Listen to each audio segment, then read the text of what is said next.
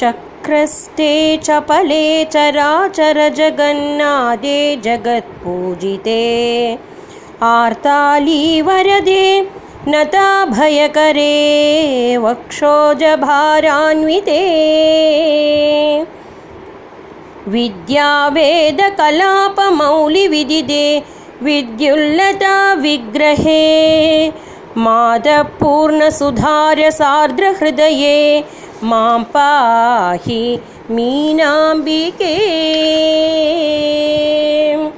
प्रत्युग्रकुङ्कुमरसा कलिदाङ्गरागं प्रत्यङ्गदत्थमणिभूषणजालरम्यम् ताम्बूलपूरितमुखं तरुणेन्दुचूडम् सर्वारुणं किमपि वस्तु ममाविरस्तु अर्धं स्त्रियस्त्रिभुवने सचराचरेऽस्मिन् अर्धं पुमांस इति दर्शयितुं भवत्या।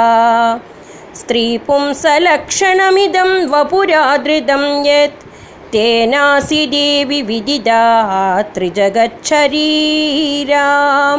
निर्मासि संहरसि निर्वहसि त्रिलोकी वृत्तान्तमेतमभिवेत्ति न वा महेशः तस्येश्वरस्य गिरिजे तव साहचर्यात्।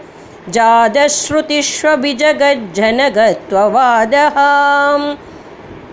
सत्तास्य खण्डसुखसंविदसि त्रिलोकी सर्गस्थितिप्रतिहतिष्वपि निर्व्यपेक्षा त्वामन्दरेण शिव इत्यवशिष्यते किम्?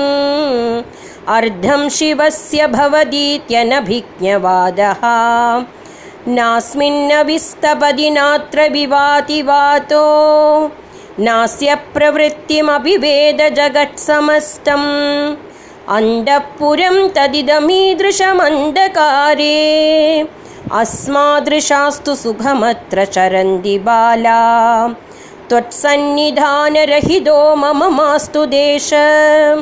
त्वत्त्वत्त्वबोधरहिता मम मास्तु विद्या।